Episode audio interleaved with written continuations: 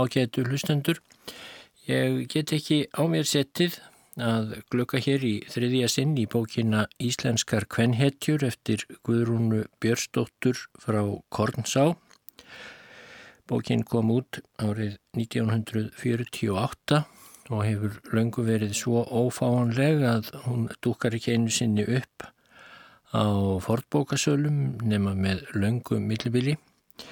Slík gersemi er þessi litla bók og þar var komið sögunni í síðasta þætti að Guðrún var að skrifa um föðurömmu sína Sigriði Blöndal og uh, hún var ungað árum þegar ég let af lestrinum en hins vegar orðin skotin í strák.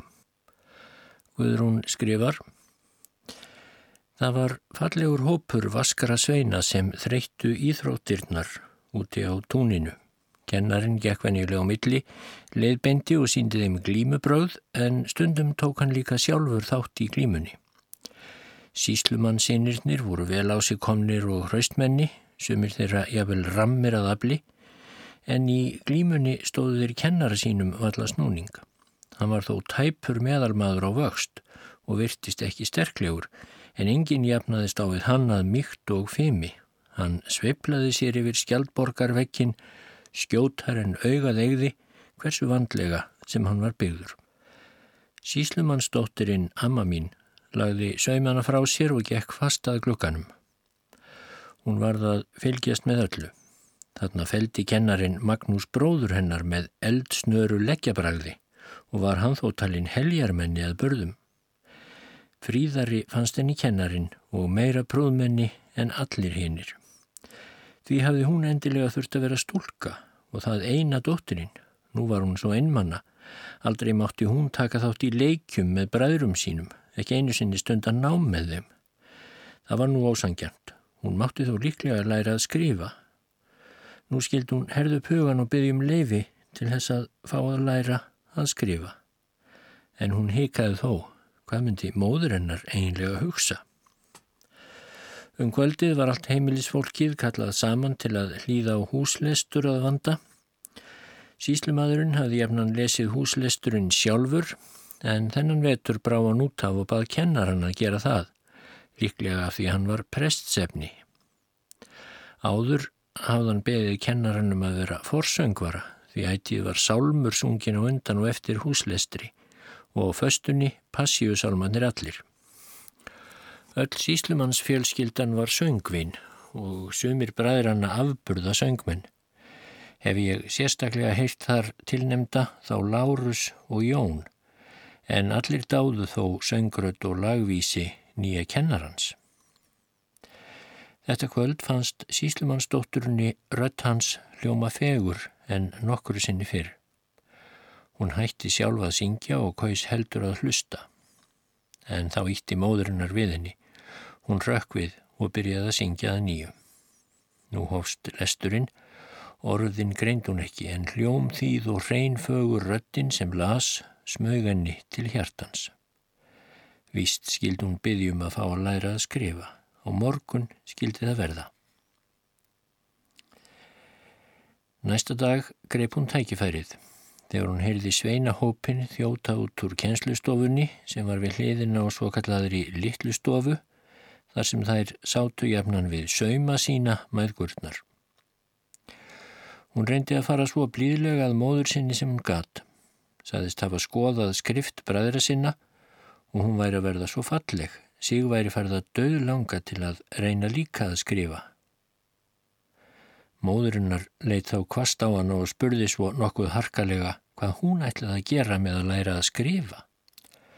Amma hefur sjálfsagt róðnað og orðið ráðafátt en greip svo til þess að segja að sér litist svo mikið að vera eftirbátur bröðra sinna en þá varð móður hennar reið. Hún spurði dóttur sína hvort hún ætlaði að bera sér það og brína hún hefði vanrægt uppeldi hennar. Hvar myndi svo ung mei í allir í síslunni sem ekki myndi oska sér að vera í hennar sporum? Vanþaklæti hennar í garð foreldrana sem hefðu veitt henni svo mikið gæti ekki verið guði þóknanlegt. Úr skriftarnáminu er þið ekki hót. Stúlkur hefðu ekkert með það að gera að læra að skrifa. Þær myndi ekki nota það til annars en að skrifa einhverjum strákum. Dótturinn er rann í skap og var að því komin að segja einhver biskyrði en í því heyrði hún umgangi í kjenslustofunni.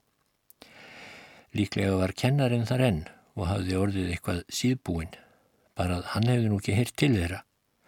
Hún hætti við að segja nokkuð en það var hún svo vön að hlýða móður sinni skilir því slust að uppreysnar hugurinn gæti ekki brotist út svona skindilega. Síslumadurinn, sínir hans og kennari þeirra mötuðust jafnan allir saman. Ekki tóku mæðgurnar þátt í því borðhaldi. Það gæti í valla heitið að þau hittust, síslumannsdóttirinn og kennarin, nema við húslestrana og því síður að þau töluðust við. Þetta kvöld kveið um því að hittan. Hún óttaðist að hann myndi hafa hyrt orðaskipti þeirra mægnana og var hrætt við að líta upp og hrætt við að hún myndi roðna ef hann líti á hana. En hann lét á engu bera og allt gekk eins og venjulega. Næsta sunnudag og eftir þegar foreldrar hennar og flest fólkið voru í óða önn að búa sig til kirkju þurft hún eitthvað að skreppa út. En um leið hún gekk fram hjá stofudýrinum opnuðist þær skindilega. Kennarin stóð í dyrunum. Hann held á nokkrum blöðum sem hann rétt inni á samt haglega skortnum fjadrapenna. Á efstablaðinu var skínandi falleg forskrift, bæði smáaletrið og uppafstafirnir. Hinn blöðin voru óskrifuð. Hún þorði ekki einu sinna að þakka fyrir en flýtti sér sem mest hún mátti að stinga blöðunum undir svöndu sína, hljópinn í Svefnarbergi sitt og gróf þau þar nýður undir undirsengina. Í kirkjuferðunni þorð hún aldrei að renna augunum í þá áttina sem hún vissi að kennarin var. Um kvöldið let hún í veðri vaka að hún væri þreytt eftir gönguna og vildi hátt að snemma. Þegar hún var orðin einn, tók hún upp blöðin og ákafin var svo mikill að reyna að stæla stafagerðina að hún sopnaði ekki fyrir henn komið var langt fram á nótt var hún þó á nálum að móður hennar myndi sjá ljós hjá henni og koma inn til hennar. Það var þó ekki, hún hefur víst líka verið þreytt eftir kirkjuferðina. En amma hefur fráleitt verið neitt sifjuð eða þreytt næsta morgun, þótt hún hefði ekki sofið mikið þá nótt. Hún hlakkaði til húslestur sinns um kvöldið, nú var hún glöð og hugdjörf. Kennarin kom síðastur inn Hann tók hugveikjurnar af hillunni og um leið og hann sneri sér við, leitt hún til hans, gistlandi, þakklátu ugnaráði. Hún sá ekki betur en hann brosti lítið eitt á móti. Sálmurinn var sungin og lesturinn hófst. Aftur gekk henni ítla að greina orðin. Hún hlustaði aðeins á hljómfagru röttina sem henni fannst nú þrungin ástúð. Veturinn leið. Unga stúlkan æfði sig af kappi að skrifa hvena sem hún þorði. Annars vann hún kappsamlega að heimilistörfum með móður sinni og var nú byrjuð að baldýra handa henni í nýja samfellu. Hún lagði sig fram um að gera móður sinni allt til geðs. Hún vildi að hún væri ánægð með sig. Aldrei töluðu þau saman, hún og kennarin, en augun þau eiga sitt mál. Svo kom vorið. Það var ofenju hlýtt og fagurt, tún greiru snemma, áinn flætti yfir engjarnar, gróður ilmur og söngfugla ómar sveimuðu í loftinu. Síslumannsdóttirinn unga gekk til Svefnibergi síns en hún gæti ekki ferða að sofa. Hún tók upp forskriftarblæðið sitt. Lengi satt hún og horfi á það en í kvöld gæti hún ekki skrifað sjálf. Framför hennar var líka orðin góð. Hvað átt hún nú að taka sér fyrir hendur? Hún var eitthvað svo erðarlaus. Hugurinn þráir svo margt, svo margt í íslensku vornætur indi, eins og þar segir. Stór fann kvítur svanahópur hafi tekið sér kvíld á flóðinu á leðsinni söður til heiða. Öðru hverju liftu þeir sér lítið eitt og lágir undurfagrir ómar hvaðu við um leið. Þeir liftu sér aftur og breytu út vangina henni fannst þeir verið að breyða faðmin út á móti sér. og nú var alltaf breytast í gull, flóðið, svanirnir, meira segja svörtu stafirnir á hvita papírnum fyrir framannanna. Það var of þröngtum hana inni, hún varð að fara út. Hún lættist eins hægt og hún gatt, út, út fyrir bæin, upp að hjallanum. Þar ljómaði svanasöngurinn fegurst, þar var sólar ljóminn dásamlegastur. Hún hljóp við fót á þess að skiknast nokkuð um, Klettastallarnir í hjallanum endurvörpuðu svanasögnum á mótenni. En þetta var ekki engöngu svanasöngur. Röttin sem í hennar eirum hljómaði fegurst allra ratta, svo rött blandaðist saman við. Í laut við einn klettin sem skagaði lengra fram minn hinnir satt ungur maður með gullsalla í hárinu og söng. Hún var komin nærri fast á húnum þegar þau jörðu hvort annars vör. Hann rétt henni höndina og hún settist líka og hallaði sér að húnum. Samfagnandi rattir hvaðu við allt í kring. Hvorugt er að hreyfði sig langa stund. Það hafðu verið lagður á þau hlekkir úr gulli. Amma mín óskaði þess nú eins í byli að fá að eiga margar stundir sem þessa fá að njóta samvistana við elskugan í vornættur dýrðinni og slá á frest baráttunni við foreldrana. Hún vissi vel að henni, engadóttur síslumanns húnvetninga, glæsilegasta yfirvalds og voldugasta héraðshöfðingja á Norðurlandi og þótt víðar væri leitað, henni voru allaðar meiri mannverðingar og betra hlutskipti en það að verða fátæk prestskona Jafnvel þótt maðurinn væri útaf fyrir sig af góðum ættum og vel að sér ger. En þetta vildi unnusti hennar ekki. Við verðum að tala við foreldra þína strax, sagðan. Fadir þinn hefur verið mér sem besti fadir og ég get ekki farið á bakviðan. Síslumanns hjónin tóku tíðindunum þunglega. Orð var á því gert hvað síslumanns frúin hefði orðið æf. Hún vildi strax grípa til stórræða, vísa kennaranum af heimilinu og svo framvegis. Þá fór nú að þykna í dótturunni líka, nú ætlaði hún ekki að láta kúa sig lengur. Síslumadurinn sjálfur mun hafa lesið eitthvað það í svip dóttur sinnar sem benti til að hendast mundi vera að fara varlega. Hann skipaði því að lokum einfallega svo fyrir að um þetta er þið ekki rætt meira að sinni. Best væri að aðtuga málið rólega og farað öllu með gátt. Kennslutímin væri senn á enda en kennslu skildi haldið áfram eins og fyrirhugað hefði verið. Þau skildu tala saman aftur áður en kennarin færi en skilt væri að játa það að framkoma kennarans hefði öll verið hinn prúðmannlegasta og að hann mætan mikils. Var nú allt kyrt og fór þó engin gladur af þessum fundi. Fáum dögum síðar kallaði síslumadurinn dóttur sína á eintal. Hann spurði hana þá fyrst hvort hún væri enn ákveðin í að halda fast við áfram sitt og þegar hún hjátti því mjög einarðulega þá sagði síslumadur, nokkuð þungur og brún, að eigi myndi að líkindum tjá við sköpað etja en baðana þó að hugsa málið ennum stund. Hún skildi aðtuga það vel að viðbrygðin mundu verða mikil Hún hefði verið alin upp sem hefðar mei, eftirlætis dóttir á miklu efna heimili. Hanna hefði aldrei skort neitt og aldrei hefði hún þurft að leggja hartað sér við vinnu. Heimannmund saðist hann ekki mundu geta gefið henni svo neinu næmi. Hann þyrti að kosta bræður hennar til skólanáms og fjárhægur sinn væri þrátt fyrir allt ekki svo sterkur að hann gæti greitt meira út úr búinu. Unnusti hennar væri líka efna laus Prestar væru ítla launadir og brauðin flest rýr en ekkert hinn að bestu væri löst sem stæði. Og svo sannar þú það, dóttir mín, saðan að síðustu, að Sigfús verður aldrei búmaður. Þessar fortölur hafðu djúb áhrif á ömmu mína.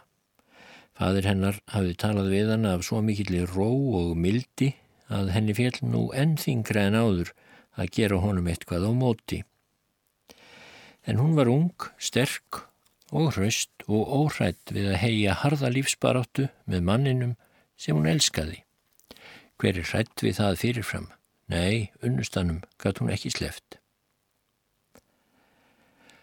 Og svo hafðu þau gift sig voruð eftir og árið síðar varð afi minn prestur að tjörn á Vasnesi. Þau byrjuðu með lítil efni pressjónin og tóku við nýður nýtri jörð með lélegum húsakinnum. Síslumadurinn hafði aðvarað dóttur sína um að viðbreyðin myndu verða mikil. Svo mikil hafði henni samt aldrei dóttið í huga þau myndu verða. En þá var bara að taka því. Þetta hlutskipti hafði hún sjálf valið sér. Nú var það sína að hún væri vandanum vaksinn. Fadir hennar hafði líka reynst sansbárum það að eiginmaður hennar myndi ekki verða mikill búmaður. Áhuga mál hans voru önnur en að sísla með fjö. Velferð sóknarbarnana lág honum þungt á hjarta. Hann var ekki einungis prestur þeirra og vinur, heldur læknir þeirra líka. Það var smám saman að venju að sækja Sigfús og leita ráða hjá honum, hvar sem veikindi komu upp í sókninni og flestum börnum sem þar fættust tók hann á móti. Hann var því óttað heimann og létti lítið undir við bústjórn og heimilistörf, annað en að smíða ýmislegt og gera við. En svo var hann hagur og listfengur að allt lék í höndunum á honum.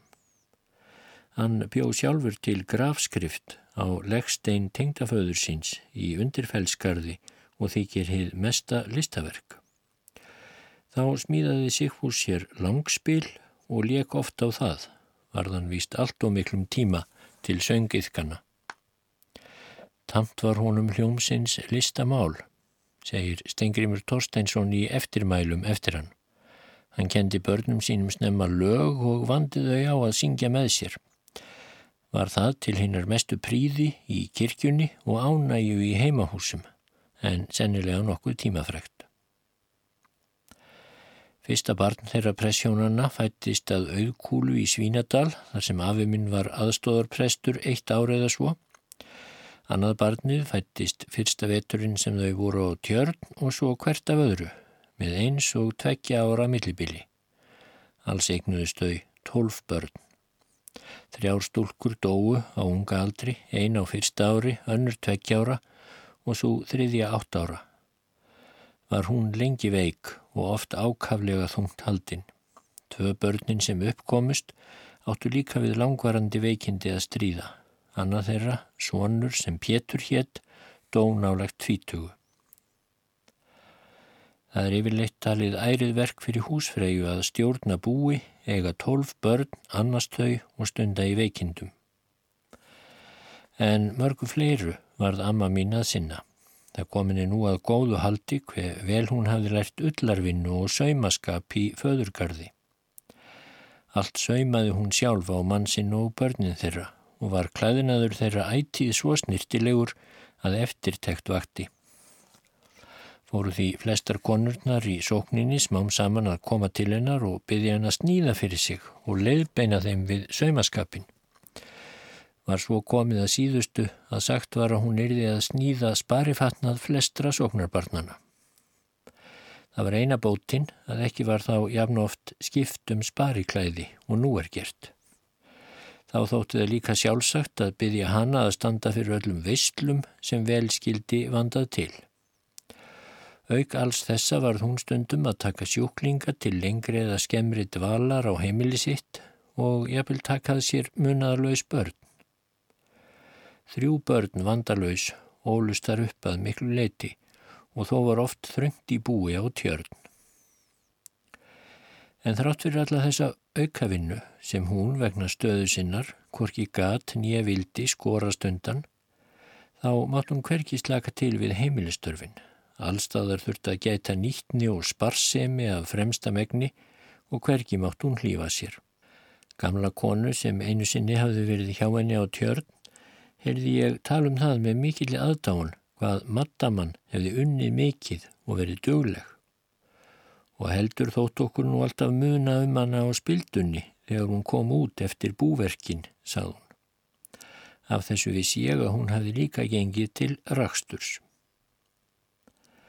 Mjög hafðu þau, afi minn og amma, verið samtaka um að vanda sem best til uppeldi sparnana. Efnahagurinn var svo þröngur að ekki var til þess hugsandi að kosta þau til skólanáms, þótt þar væri vissulega fullkomin vilji til. Aldrei gæt fadur minn, sem var elstur svonana, minnst á það sársauka löst hversu ákaft sig hefði langað til að fara í skóla og verða annað hvort læknir eða prestur. Ekki hafði hann þó minnst á það við föður sinn því hann vissi að fadurinn myndi ekki geta styrt sig til náms og að heimilið mætti genu sinni við því að missa vinnu hans. En fadur hans lagði mikla alúð við að kenna þeim sískinunum heima bæði bóklegfræði svo að þau eruðu ofennju vel að sér eftir því sem þá gerðist og eins leiðbindan sónum sínum með smíðar en það líktust þeir honum í því að vera laghendir. Dæturnar lærðu hannirðir af móður sinni og saumuðu allar afbragðs vel þó að smekkvísi og handbragð þurriðar þætti bera af svo að víða var rómað. Eftir næri aldarfjórðungs fjárveru fluttist amma mín í Vastalin aftur. Afi fekk þá veitingu fyrir undirfells og grímstungu sóknum. Þau settu stað á undirfelli. Hún hafði hugsað til herrar breytingar með mikilli eftirvæntingu. Alltaf hafði amma þráð dalinn sinn og æskustöðvarnar fögru. Hún hafði bara ekki gefið sér tóm til að hugsa um það. En myndi hún nú geta fundið hinn að sömu ólgandi starfsulöngun og lífsþrótt sem forðum. Myndi hún geta notið unaðar í vornættur dýrðinni. Mikil breyting var þá orðin á, á mörgum sviðum. Fóreldrar hennar voru bæði dáin fyrir löngu en Benedikt bróður hennar bjó í kvammi og enn voru margir æskuvinir hennar á þessum slóðum. Já, það hlaut að verða gaman að komast heim. Það var mikið umstang við flutningana og við að koma sér fyrir. Svo voru öll vorverkin þrótlaust anríki og engar tómstundir til vordrauma. Amma mín var döðþreytt á hverju kvöldi. En nú var þó það versta afstæðið. Það hafði verið sterkju hít í allan daginn og miklar leysingar fram til heiða. Vastalsáinn flætti yfir engjarnar og alla leið upp í túnfótin á undirfelli. Nú gatt hún ekki beðið lengur. Í kvöld varð hún að vaka og njóta vor dýrðarinnar. Henni dætt í huga að byggja mannin sinn að vaka með sér. Hún gerði það þó ekki. Hún vissi að hann var þreyttur. Hann var ekki hilsurhaustur upp á síðkastið. Og svo hafði hann heldur ekki þráð vastalinn á sama hátt og hún. Líklega hafði hann verið að færa henni fórun með því að flytja henni í vastal. Hann var tengdur sóknarbörnunum á vasnisinu, svo sterkum vináttuböndum. Það sennilega hefði hann helst kosið að vera kyrr þar nema ef hann hefði þá ótt kost á að flytja norður í Mývasveit þaðan sem hann var ættaður. Nei, það væri best að hún væri einn þessa nótt. Hún gekk upp á ring og settist þar, þaðan blasti kvammur best við. Bönsku minningarnar þyrptust fram í hugan, gjörfilegi glaði bræðrahópurinn, umhyggjusama en stránga móðurinn, góði glæsilegi fadrin. Ákafur söknuður greip hana. Hvað var hún þetta? Var hún að gugna? Var hún orðin svona þreytt og gömul að hún geti ekki lengur glaðst við fegurðu náttúrunnar? Hún stóða lokum upp og snýri heimað bænum aftur. En í því opnuðust bæjardirnar og dætur hennar komu út. Þær hafðu þá heldur ekki getað sofið. Þær hlöpu niður að flóðinu og leku sér að því að skvetta vatni hver af aðra. Nú kom sólinn framundan njúknum, vasflöturinn breyttist í glitrandi gull. Það var eins og kvamspærin stæði í ljósum loga, indislegur svanasöngur, hvað við, lóa og spói tóku undir. Ungustúlkurnar hættu leiknum. Þær hlustuðu og störðu hugfangnar í ljóman Sólinn hafði sveipað þær gullskikju. Æsku gleðin geistlaði af ásjónum þeirra. Amma varð allt í einu svo létt á sér. þreitan var horfin, indislegt var að vera komin heim aftur og hafa getað fært dalnum sínum svona fallegan hóp, tápmikilla, æskugladra ungmenna. Hún negði höfuðið og bað þess heitt og innilega að börnin hennar gætu orðið þar góðir liðsmenn.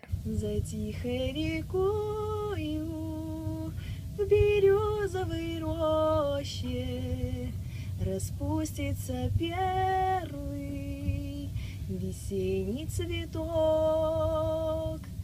И я загадаю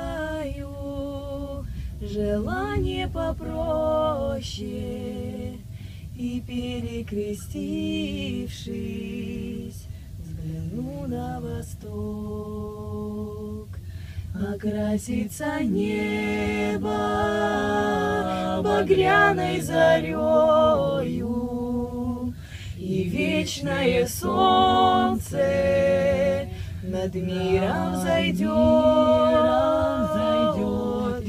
белая птица взлетит над землею, и Божье прощение с небес принесет, и белая птица взлетит над землею, и Божье прощение с небес принесет,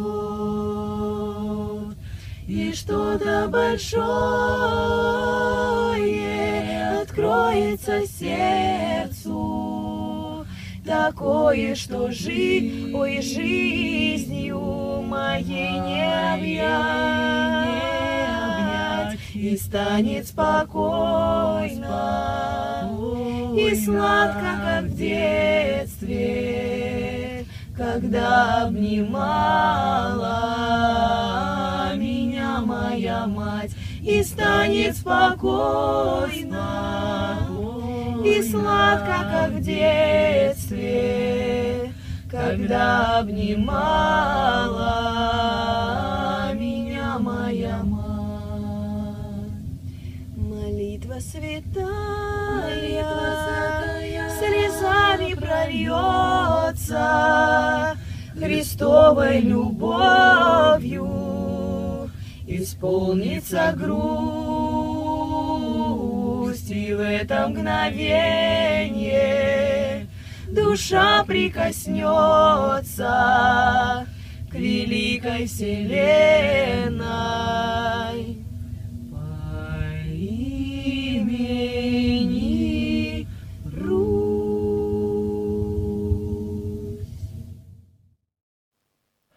Áratugir liðu frá þessari eftirminnilegu stund í Vastalnum. Mér fannst amma hafa hlotið bænherslu.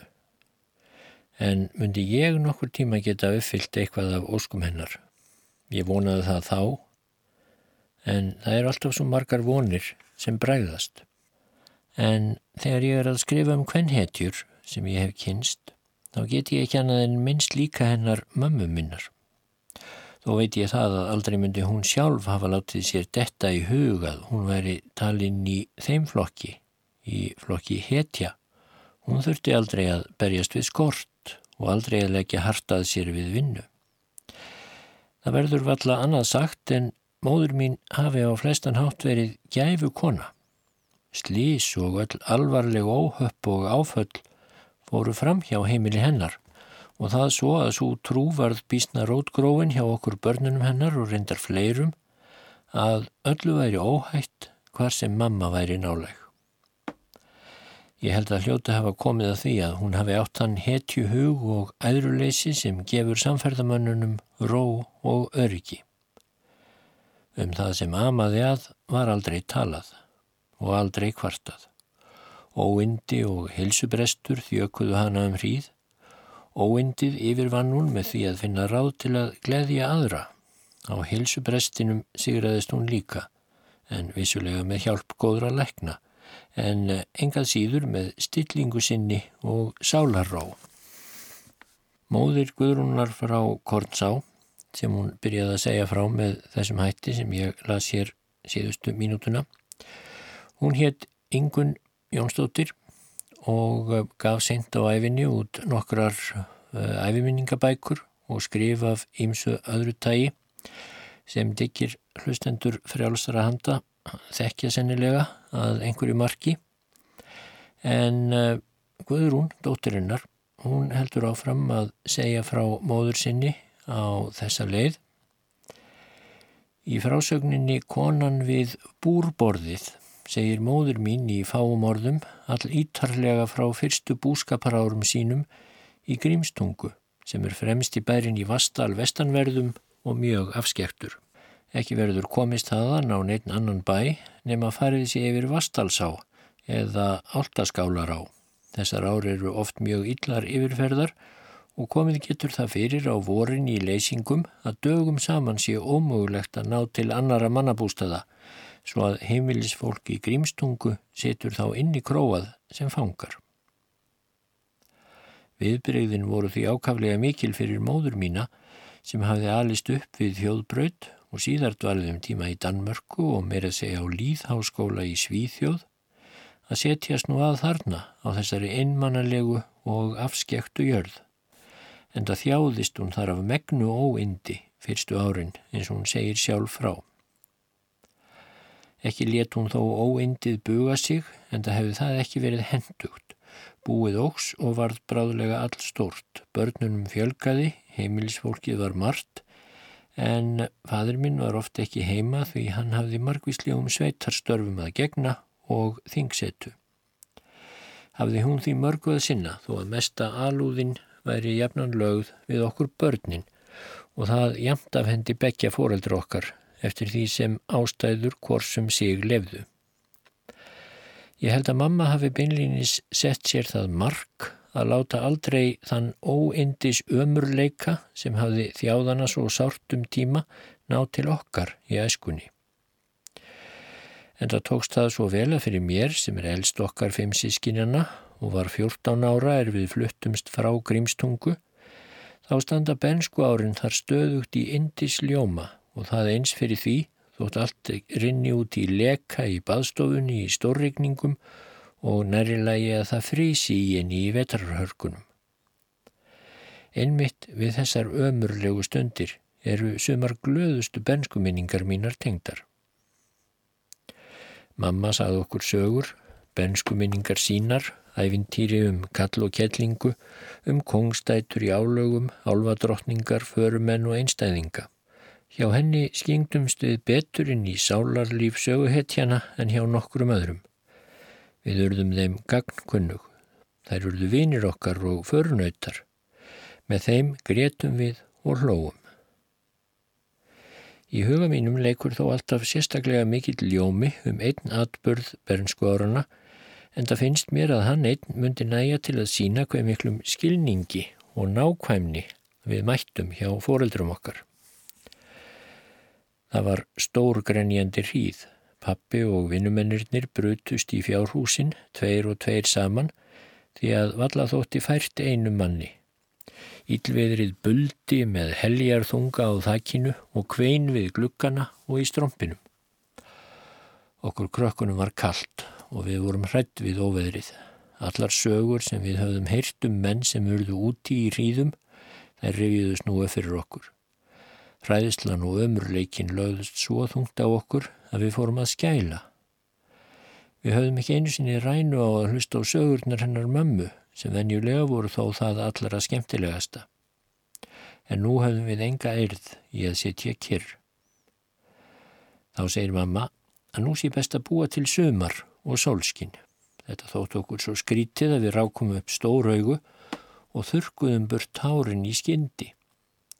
En mamma sagði að við skildum sækja litlu rífurnar okkar fram í skála og svo skild hún lán okkur stóra tógpókan sinn. Þessu öllartógi mættum við svo dreifa um allt baðstofugólfið og hafa það fyrir hei. Þetta þótt okkur auðvitað þjóður ráð. Vinnukonurnar nöldruðu eitthvað um að aldrei á sinni lífsfættri æfi hefðu þær vitað annað eins og hvernig allir skapaðir hlutir væru látnir eftir þessum krökkum en því skeittum viðvitanlega ekki neinu. Og að vörmusbori voru hrífurnar komnar inn og öllar dreifin um allt golfið.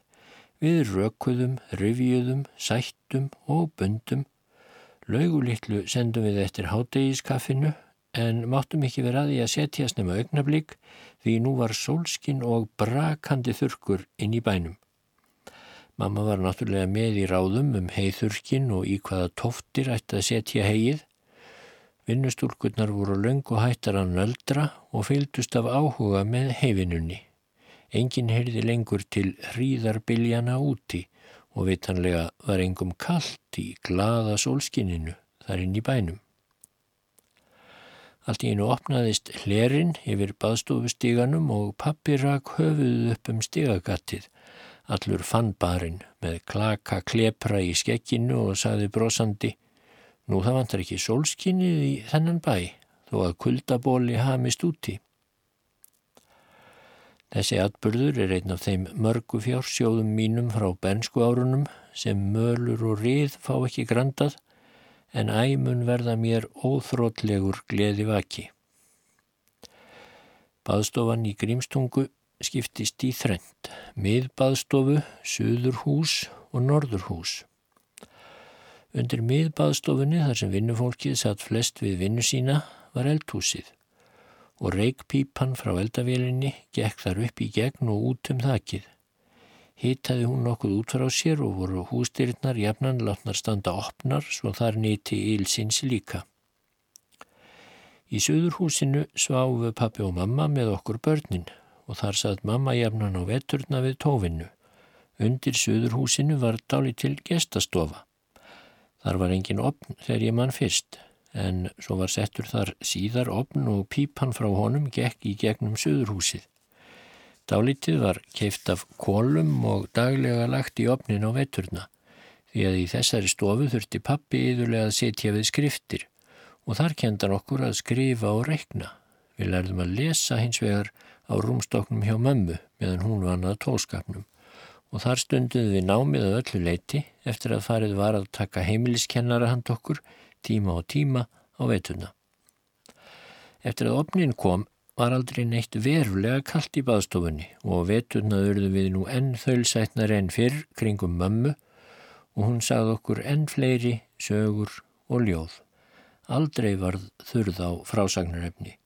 Það var líka af nóg að taka, fornsögunum, ettukvæðunum, grísku, goðafræðinni, sturlungu og biskupasögunum, rittarasögunum, þúsind og einninótt, þjóðsögunum, skáldsögum, útlendum og erlendum, því sem mamma hafi sjálf, reynd og séð og fleira og fleira.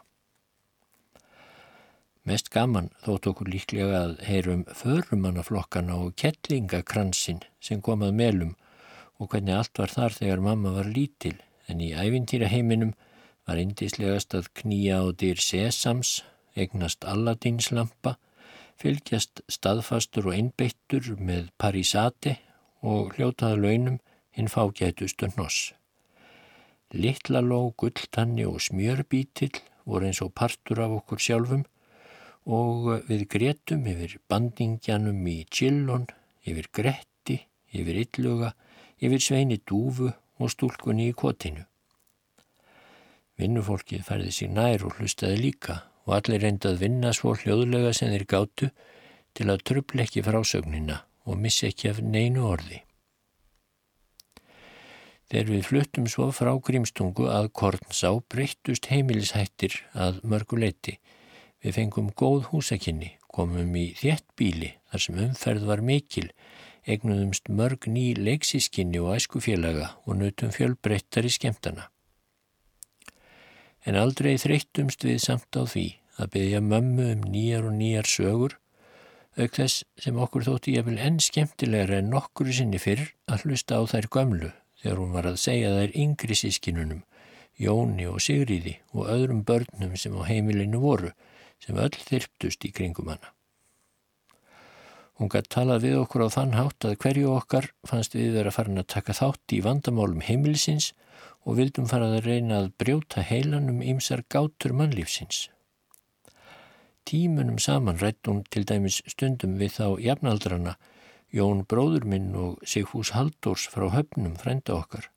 Sjö til tíu ára drengi en báða fróðulegs fúsa og bráþroska. Hún rætti við þá um skáldskap, trúarbröð forfeðrana og síðarlögmál auk ímissa daglegra viðfangsefna. Og auðsíð var á svip þeirra að þeir voru hrifnir og gladir og töldu sig meiri menn með þingri ábyrðartilfinningu eftir en áður. Góðtemplara stúka var um þessar myndir stopnuði í Vastalunum. Þar var reynd að hafa sem fjölbreyttastar skemtanir og var mamma oft fenginn til að segja þar sögur eða lesa upp og einstöku sinnum flutt hún erindi á skemtisamkomum. Sigurður Nordal, professor, var þá komin í skóla en dvaldi öðru hverju með fósturforeldrum sínum á eigólstöðum en milli Kornsár og eigólstada er stutt bæjarleið. Með honum og mömmu tókst einn mesta vináta þóttur umlega 30 ára aldursmunur væri. Þau sátu og rættust við tímunum saman og sögðu hvort öðru ævintýri, en engum sótist hann eftir að láta hann að segja sér sögurnar um flakkaranna og ímsa gamla heimilshætti. Hann talaði oft um það við mömmu að þessi fróðleikur mætti ekki tínast og baðana og kvartana mjög til þess að skrifa sögurnar upp. Hún var nú komin yfir 50 og hafði aldrei skrifað neitt nema nokkur sendibrif og henni fannst vist í fyrstunni fjärstæð að hugsa til þess að hún færi að skrifa nokkuð sem kemi fyrir almenning sjónir. Eftir nokkurn aðdraganda var það þó úr að hún skrifaði þætti bæði um Hannes Stutta og Sölva Helgason og kom það út í yðunni og erindi er hún hafi flutt á skemmtisamkomu og nefndi Jól let hún skólablaðið hafa til byrtingar að beðinni Jóns Þórarinssonar fræðslumálastjóra. Þessum rítgerðum hennar var vel tekið og hún fekk svo mörg viðurkenningarorð fyrir þær að vafalaust hefði það orðið henni til uppörfunnar að gefa sig nú allverulega við rittstörfum ef ekki hefði orðið annað því til fyrirstöðu. Mamma hafði allar tíð þjáðust talsvert af meldingarkvilla sem ekki hefði verið ráðin bót á en nú ágerðist hann svo mikið að hún tók aldrei á helli sér svo að árum skipti. Margra lækna var leitað en allt reyndist að árangur slust. Aldrei gatt hún nærst svo lítið að henni er ekki illt af því. Fjör og kraftar lömuðust og lítið sem ekkert varð úr skriftunum. Leði svo fram til ársins 1916 Þá var Haldur Hansen, læknir, nýlega sestur að í Reykjavík sem sérfræðingur í magasjúkdómum. Til hans leitaði nú mamma sem þá var orðin svo altekin að tæplega gatt heitið að hún geti haft fótavist. Kom þá í ljós að hún gekk með ílkinjað magasár. Haldur Hansen reyndi fyrst að læknana með ströngum mataræðisreglum og meðulum en það kom fyrir ekki og um haustið 1916 var svo komið að eina vonin til bjargar var uppskurður. Framkvæmdu þeir hann læknarnir Haldur Hansen og Mattías Einarsson. Skurðurinn tókst ágætlega vel en svo hefur Haldur Hansen sagt mér síðar að þetta hafi verið einn af stærstu magaskurðum sem hann hafi gert og að svo vel hafi tekist geti ég engu síður þakkað sálarþreki og óbílandi rósemi móðurminnar en kunnáttu og lagni þeirra lagnana. Ég var í Kaupanahöfn veturinn 1916 til 17 og lága í ríkispítalanum þegar ég fekk bref frá mömmu þar sem hún segir að ákveði sé að hún fari á spítalan til uppskurðar og annað frá ágústu föðursistur minni, konu Sigvartar Bjarnasonar bankastjóra, skrifað daginn eftir að mamma var skorin upp. Segir hún að skurðurinn hafi tekist vel og útlítið sé eins gott og mögulegt sé að búast við eftir svo ákaflega stóran og hættulegan skurð. Þráttur þessa góðu fregn gæti ég ekki varist því að mér var ákaflega órótt og gerði mér margt í hugarlund um að ekki veri enn öll hætta út runnin.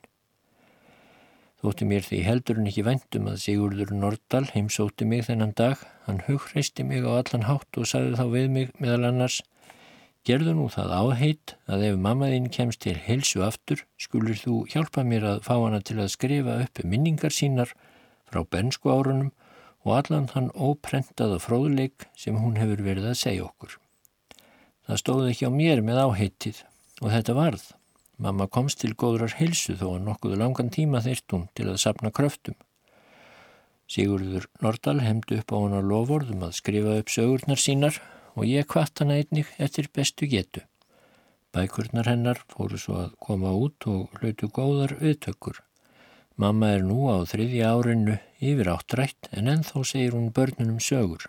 Dótturbörnin una hverki betur enn í herberginu hennar og litla Ingun Jónsdóttir, dóttur, dóttir hennar og nafna, 8-10 árum yngri en hún, indi ömmu sinnar og eftirlæti, segir við hana eitthvað svipað því sem unna litla fósturdóttur hennar, fjögur ára gömul, sagði við hana fórðum þegar henni fannst mamma of önnum kafin í eldhúsverkunum og ekki sinna sér nóg.